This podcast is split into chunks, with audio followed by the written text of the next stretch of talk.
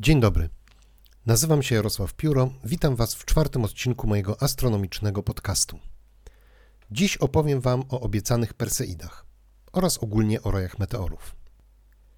Zacznijmy od rzeczy podstawowych i najprostszych. Meteor i meteoryt.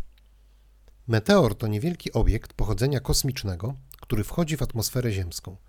Czasami odróżnia się zjawisko przelotu takiego obiektu od samego obiektu i nazywa się taką niewielką kosmiczną skałkę meteoroidem, a słowo meteor oznacza samo zjawisko przelotu. Jeśli skałka przetrwa przelot i spadnie na Ziemię, to wtedy staje się meteorytem. Ślady przelotów meteorów przez atmosferę Ziemi nazywa się często spadającymi gwiazdami. Oczywiście nie są to żadne spadające gwiazdy. Gwiazdy to w znakomitej większości obiekty olbrzymie, znacznie większe od Ziemi. Gdyby gwiazda spadła na Ziemię, to po prostu pochłonęłaby naszą planetę, praktycznie bez jakichkolwiek efektów dla samej gwiazdy. Byłoby to trochę tak, jakby słoń usiadł na komarze. Słoń nawet by tego nie zauważył, a dla komara zdarzenie zakończyłoby się śmiercią. Jasność typowego meteoru rzeczywiście jest podobna do jasności gwiazd na niebie i mogłoby się wydawać, że jedna z nich oderwała się od firmamentu i spadła. Tymczasem typowe rozmiary tych spadających gwiazd są rzędu milimetra, czyli wielkości ziarnka piasku. Od lat organizuję wspólne obserwacje rojów meteorów i ta informacja nieodmiennie budzi zdumienie. Rzeczywiście dziwne to trochę, że taka mała kruszynka jest w stanie wywołać tak spektakularny efekt wizualny. Zwłaszcza gdy zdamy sobie sprawę, z jakiej odległości obserwujemy to zjawisko. Przelot meteoru dostrzegamy zazwyczaj, gdy ziarenko znajduje się w górnych warstwach atmosfery, około 70 km nad Ziemią. Z 70 km widzimy rozżarzone ziarnko piasku. Niezłe, co? Skąd biorą się te drobinki? Większość rojów meteorów jest rezultatem regularnych przelotów tzw. Tak komet okresowych. Znakomita większość komet w naszym układzie rezyduje w tzw. Tak obłoku Oorta, najdalszej rubieży, pozostałości po obłoku materii, z której 5 miliardów lat temu powstał Układ Słoneczny, położonej jeszcze dalej niż pas Kuipera. Poświęćmy trochę czasu tym trzem składowym Układu Słonecznego. Wewnętrzną warstwę tworzą planety. Po Słońcu największe ciała w układzie – które krążą wokół macierzystej gwiazdy praktycznie w jednej płaszczyźnie. Druga warstwa to pas Kuipera. Te obiekty leżą nieco dalej, są mniejsze, a ich orbity średnio odpowiadają ekliptyce, jednak potrafią być do niej nachylone znacznie bardziej niż orbity planet. Ostatnią warstwą jest obłok Oorta. Tu już nie widać wyraźnej korelacji pomiędzy ekliptyką a orbitami ciał. Większość masy obiektów z obłoku Oorta tworzy zamarznięty dwutlenek węgla i woda – w które wmrożone są skaliste drobinki. Ciała te okrążają Słońce w bardzo dużej odległości, zamarznięte na kość. Od czasu do czasu jednak zdarza się, że coś wytrąca je z takiego powolnego przemierzenia tych chłodnych rejonów. Zbliżą się jedno do drugiego i zmienią pod wpływem własnej grawitacji swoje orbity, czasami dojdzie do zderzenia, od czasu do czasu niedaleko układu przemknie jakiś masywny obiekt w rodzaju brązowego karła czy jakiejś innej gwiazdy. I wtedy taka kometa zaczyna spadać w stronę Słońca, zwiększając swoją prędkość. Podczas przejścia przez peryhelium, czyli punkt najbliższy Słońcu, osiągają prędkość rzędu kilkudziesięciu kilometrów na sekundę, a następnie wracają skąd przyszły, stopniowo wytracając swoją prędkość. Być może kiedyś powrócą w pobliże planet, nie sposób jednak tego przewidzieć. Ich podróż potrwa wiele tysięcy lat, a pojawiające się po drodze perturbacje związane z wpływem innych ciał na ich trajektorię czynią takie przewidywania bezsensownymi. Ciała takie w swojej drodze ku Słońcu zwiększają swoją temperaturę. Nie dlatego, że rozgrzewają się od tarcia. Przestrzeń kosmiczna jest pusta. To próżnia doskonalsza od tych, które wytwarzamy w ziemskich laboratoriach. Lecz po prostu są coraz bliżej tego ogromnego ogniska, które płonie w środku naszego systemu. Kiedy przekroczą orbitę Jowisza, temperatura ich powierzchni zaczyna sięgać 80 stopni Celsjusza poniżej zera.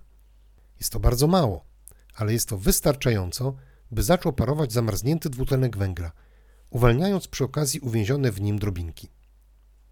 Wywiewany przez ciśnienie światła słonecznego gaz i pył tworzą dwa warkocze gazowy i pyłowy. Gdy kometa zbliży się do Słońca na odległość mniejszą niż ta, w której krąży Ziemia, temperatura jądra komety rośnie powyżej 0 stopni Celsjusza. Zaczyna parować woda i warkocz komety staje się jeszcze bardziej intensywny. Po przylocie zostają uwolnione drobinki, które poruszają się początkowo po tym samym torze i z taką samą prędkością co sama kometa. Jednak z czasem, na skutek ciśnienia promieniowania światła słonecznego i wpływu grawitacyjnego masywniejszych obiektów, ulegają pewnemu rozproszeniu. Od czasu do czasu zdarza się, że kometa w drodze ku Słońcu lub w trakcie wycofywania się na z góry upatrzone pozycje przejdzie blisko jakiejś z planet. I wtedy na skutek wpływu grawitacyjnego planety jej orbita ulegnie zmianie, czasami wydłużeniu, co może skutkować wystrzeleniem jej z układu słonecznego, a czasami skróceniu. I wtedy taka kometa nie wraca już do obłoku Orta, lecz pozostaje wewnątrz układu i staje się kometą okresową, dla której możemy wyliczyć w miarę dokładnie daty kolejnych powrotów w pobliże Słońca. Za każdym takim przelotem pozostawia na swojej orbicie interesujące nas w tym odcinku okruszki. Na stronie Minor Planet Center Międzynarodowej Unii Astronomicznej możecie sprawdzić statystyki dotyczące zaobserwowanych dotychczas komet. Było ich 4107, z czego niecałe 400 to komety okresowe. Jeśli zdarzy się tak, że orbita komety okresowej przecina się z orbitą Ziemi wokół Słońca, to raz w roku Ziemia trafia w obszar, w którym po orbicie komety podróżują pozostawione przez nią śmieci. To one właśnie są źródłem rojów meteorów. Skąd bierze się światło, które widzimy? Na niebie możemy dostrzec obiekty, których mechanizm świecenia możemy podzielić na dwie grupy. W pierwszej grupie znajdą się te obiekty, które świecą same z siebie, czyli gwiazdy. No możemy do niej zaliczyć również światło samolotów. W drugiej obiekty, które świecą, bo zapożyczają światło od innych obiektów. Odbijają je, jak lepsze czy gorsze lusterka. Do tej kategorii wpadną planety, księżyc, sztuczne satelity Ziemi, komety, których ogon rozprasza światło Słońca. A meteory świecą same z siebie, swoim własnym światłem. Skąd te małe drobinki biorą na to energię? Cały proces zaczyna się od energii potencjalnej komety, która krąży daleko od Słońca. Gdy zaczyna spadać do środka układu słonecznego, jej prędkość stopniowo rośnie, by w pobliżu orbity Ziemi osiągnąć 40 km na sekundę. Pozostałości po komecie, na które trafia Ziemia, poruszają się względem Słońca z taką właśnie prędkością. Sama Ziemia nie jest jednak nieruchoma. Biegnie po swojej orbicie z prędkością 30 km na sekundę.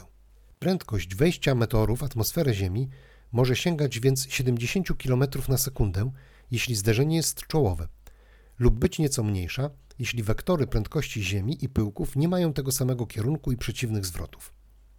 Perseidy, które już można na niebie obserwować, wchodzą w atmosferę z prędkością około 60 km na sekundę, czyli około 200 tysięcy km na godzinę.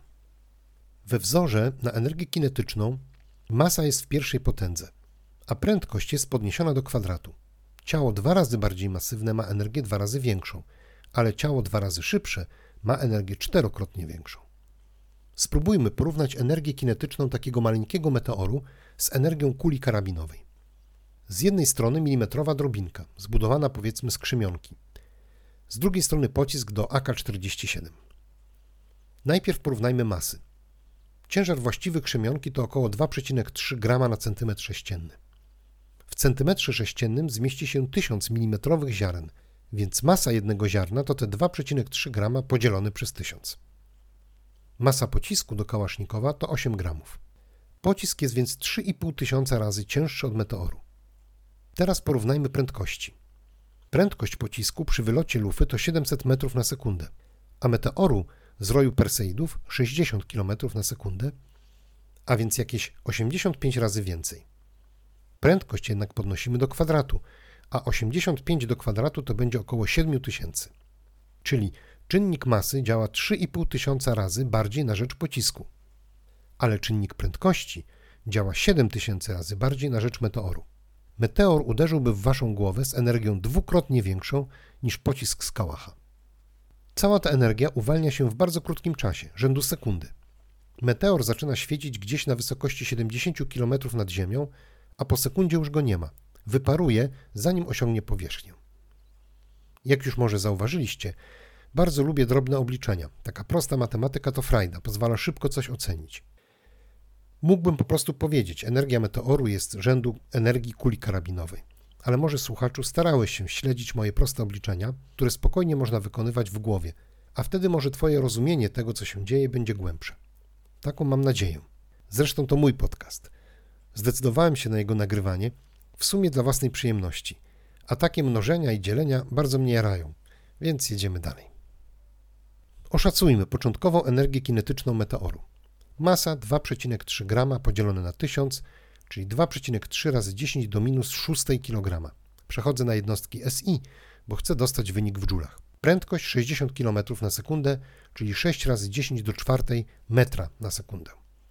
Do kwadratu to będzie 36 razy 10 do 8, czyli 3,6 razy 10 do 9. Razy masa, czyli 3,6 razy 2,3 to będzie około 8, a 10 do minus 6 razy 10 do 9 to 10 do 3.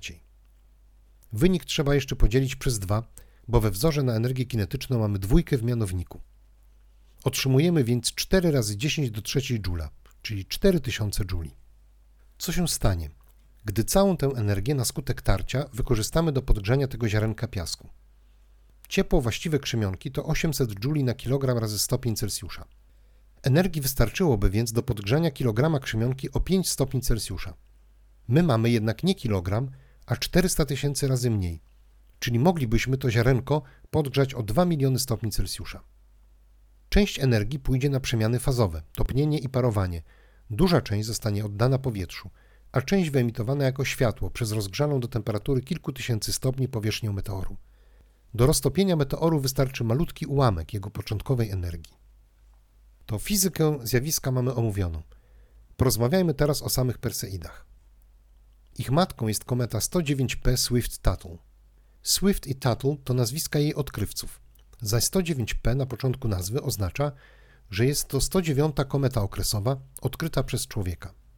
Oznaczenie 1P przysługuje słynnej komecie Halleya, pierwszej komecie zidentyfikowanej jako okresowa. Kometa Swift-Tuttle wraca w pobliże Słońca raz na 133 lata. Podczas ostatniego przelotu w 1992 roku była widoczna w lornetkach, jej następny przelot w 2126 roku będzie widoczny gołym okiem. Warto więc zadbać o swoje zdrowie, by doczekać przyjemności jej naocznej obserwacji. Jej jądro ma około 25 km średnicy. Za każdym przelotem po trosze wyparowuje.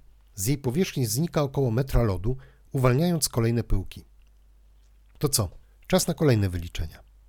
Jeśli kometa odparowuje metr za każdym przelotem, to do odparowania całości potrzeba będzie 25 tysięcy przelotów. Za jakieś 3 miliony lat kometa więc całkowicie wyparuje. Jak widzicie, komety mają pewien okres przydatności. Tak naprawdę to zupełnie możliwe, że wewnątrz komety z jej elementów utworzyło się stałe porowate jądro. Poszukajcie w internecie zdjęć księżyca Saturna, Hyperiona, wykonanych przez sondę Cassini. Być może po odparowaniu większych komet pozostaje po nich coś takiego właśnie, takie pumeksowe cudo. Skąd Perseidy biorą swoją nazwę? Gdybyście na obserwację wzięli mapkę nieba i pozaznaczali na niej ślady przelotu meteorów, to zauważycie, że wydają się wybiegać z jednego punktu, zwanego radiantem, czyli z łaciny punktem promieniowania. Ten punkt znajduje się w gwiazdozbiorze Perseusza, stąd i nazwa roju. Dlaczego meteory wydają się wybiegać z jednego punktu? Jest to spowodowane perspektywą. Przypomnijcie sobie, jak w zimową noc podczas opadów śniegu jedziecie samochodem. Wydaje się, że płatki śniegu rozbiegają się na wszystkie strony z punktu, do którego zmierza samochód. Podobny efekt widzieliście w filmach z serii Gwiezdnych Wojen. Podczas przechodzenia w nadprzestrzeń gwiazdy rozbiegały się na wszystkie strony. Wróćmy do samochodu i płatków śniegu. Prędkość samochodu jest znacznie większa od prędkości opadania płatków, jednak ich prędkość nie jest zerowa, więc punkt, z którego nadlatują płatki, jest przesunięty troszeczkę nad jezdnią. Podobnie, jeśli wieje silny wiatr z lewej lub prawej strony samochodu, to radiant śniegowy będzie przesunięty odpowiednio w lewo lub w prawo.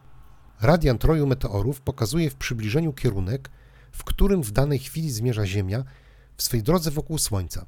Jednak meteory mają swój własny ruch po orbicie, dlatego położenie radiantu nie odpowiada dokładnie kierunkowi ruchu Ziemi. Droga Ziemi wokół Słońca to ekliptyka, więc gdyby meteory nie posiadały własnej prędkości wokół Słońca, co jest niemożliwe, bo spadłyby po prostu na Słońce, to wszystkie radianty leżałyby na ekliptyce.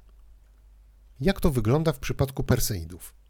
Mamy sierpień i Słońce świeci na tle gwiazdozbioru Raka. Wektor prędkości Ziemi jest skierowany pod kątem prostym do kierunku na Słońce, więc celuje gdzie? Wystarczy odliczyć trzy gwiazdozbiory zodiakalne: bliźnięta, byk, baran. Ziemia leci w kierunku barana. Perseusz nie leży na ekliptyce, jednak graniczy z baranem.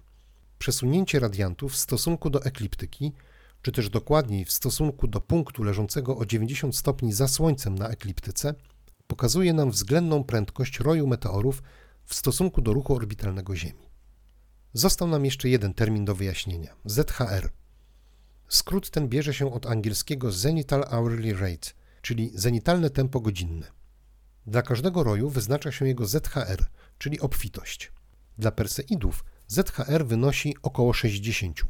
Oznacza to, że przy ciemnym niebie w ciągu godziny bylibyśmy w stanie dostrzec 60 meteorów, gdyby radiant roju znajdował się w zenicie, czyli w idealnych warunkach średnio raz na minutę przelatywałby jakiś meteor. W praktyce bardzo trudno oczekiwać takich rezultatów. Po pierwsze, Perseusz obecnie po zachodzie Słońca znajduje się na wysokości około 30 stopni nad horyzontem i do zenitu mu daleko. Jednak sytuacja poprawia się z każdą godziną i o 3.30 nad ranem, gdy niebo jest jeszcze dosyć ciemne, radians wznosi się już 65 stopni nad horyzontem. Nie jest to jednak zenit i część przylotów wypada pod linią horyzontu, a więc ich nie zobaczymy. Drugim czynnikiem ograniczającym liczbę zauważonych meteorów jest fakt, że nie jesteśmy w stanie obserwować całego nieba, a więc niektóre przeloty, mimo że widoczne, nam umkną. Radą na to jest prowadzenie obserwacji w większej grupie. Trzecim ograniczającym czynnikiem jest jasność nieba. W miastach jest ogólnie fatalnie duża, ale i w mniejszych miejscowościach zaśmiecenie nieba światłem lamp powoduje, że słabszych przelotów nie zobaczymy. Jasność nieba zależy również od jasności księżyca, dlatego najlepiej, gdy maksimum roju wypada na nów. Niestety nie mamy tu wiele do powiedzenia. W tym roku maksimum Perseidów wypada na okres pomiędzy pierwszą kwadrą a pełnią i jasny księżyc będzie przeszkadzał w obserwacjach. Jeśli uda Wam się w ciągu godziny zobaczyć kilkanaście przelotów, to będzie to sukces. Przejdźmy do omówienia obserwacji tegorocznych Perseidów. Najlepiej na obserwację wybrać miejsce o ciemnym niebie. Lepiej obserwację zacząć jak najpóźniej. Perseusz będzie coraz wyżej, a księżyc będzie chylił się ku zachodowi i mniej będzie przeszkadzał. Maksimum intensywności roju przypada między 11 a 13 sierpnia. Lepiej na obserwację wybrać noc z 11 na 12 sierpnia, bo księżyc będzie wtedy nieco mniejszy i szybciej zajdzie. Najlepiej położyć się wygodnie w pozycji horyzontalnej, z głową w kierunku południowo-wschodnim, tak by wzrok obejmował zarówno rejon radiantu, jak i zenit, przy czym radiant najlepiej mieć z lewej strony pola widzenia. Im bardziej na południe patrzymy, tym niebo jest ciemniejsze i większa szansa na dostrzeżenie meteorów. Obserwujemy gołym okiem. Miejsce kolejnego przylotu jest nieprzewidywalne, a pole widzenia jakiegokolwiek sprzętu za wyjątkiem obiektywu rybie oko zbyt ograniczone. Warto jednak zaopatrzyć się w lornetkę. Po przelocie meteoru zostaje na niebie smuga. Przy większych z nich, zwanych bolidami, widoczna wyraźnie gołym okiem. Przy słabszych dostrzegalna w lornetce przez kilkadziesiąt sekund po przelocie. Od czasu do czasu uda Wam się zarejestrować przelot, którego przedłużenie nie będzie celowało w Perseusza. To przybłęda. Meteor spoza roju Perseidów pozostawiony przez jakąś inną kometę. Należy ubrać się ciepło. Noce są już chłodniejsze, a bezruch podczas obserwacji nie pomaga. Warto wziąć koc i coś ciepłego do picia w termosie. Ja sam planuję zorganizować obserwacje w nocy z 10 na 11 sierpnia. To jest z soboty na niedzielę. Nie będzie to ścisłe maksimum, ale za to w niedzielę będzie można odespać. Rozpoczniemy, o ile pozwoli pogoda, o 23. Zdążymy jeszcze popatrzeć na Jowisza, Księżyc i Saturna w teleskopie, a następnie oddamy się liczeniu meteorów. Zazwyczaj wyznaczamy osobę do prowadzenia rachuby dostrzeżonych przelotów oraz drugą osobę do zliczania bolidów. Staramy się obserwować dokładnie przez godzinę. Zapraszam Was na stronę naszej grupy na Facebooku. Wystarczy wpisać Astro Pomorze. Znajdziecie tam wydarzenie związane z obserwacją Perseidów.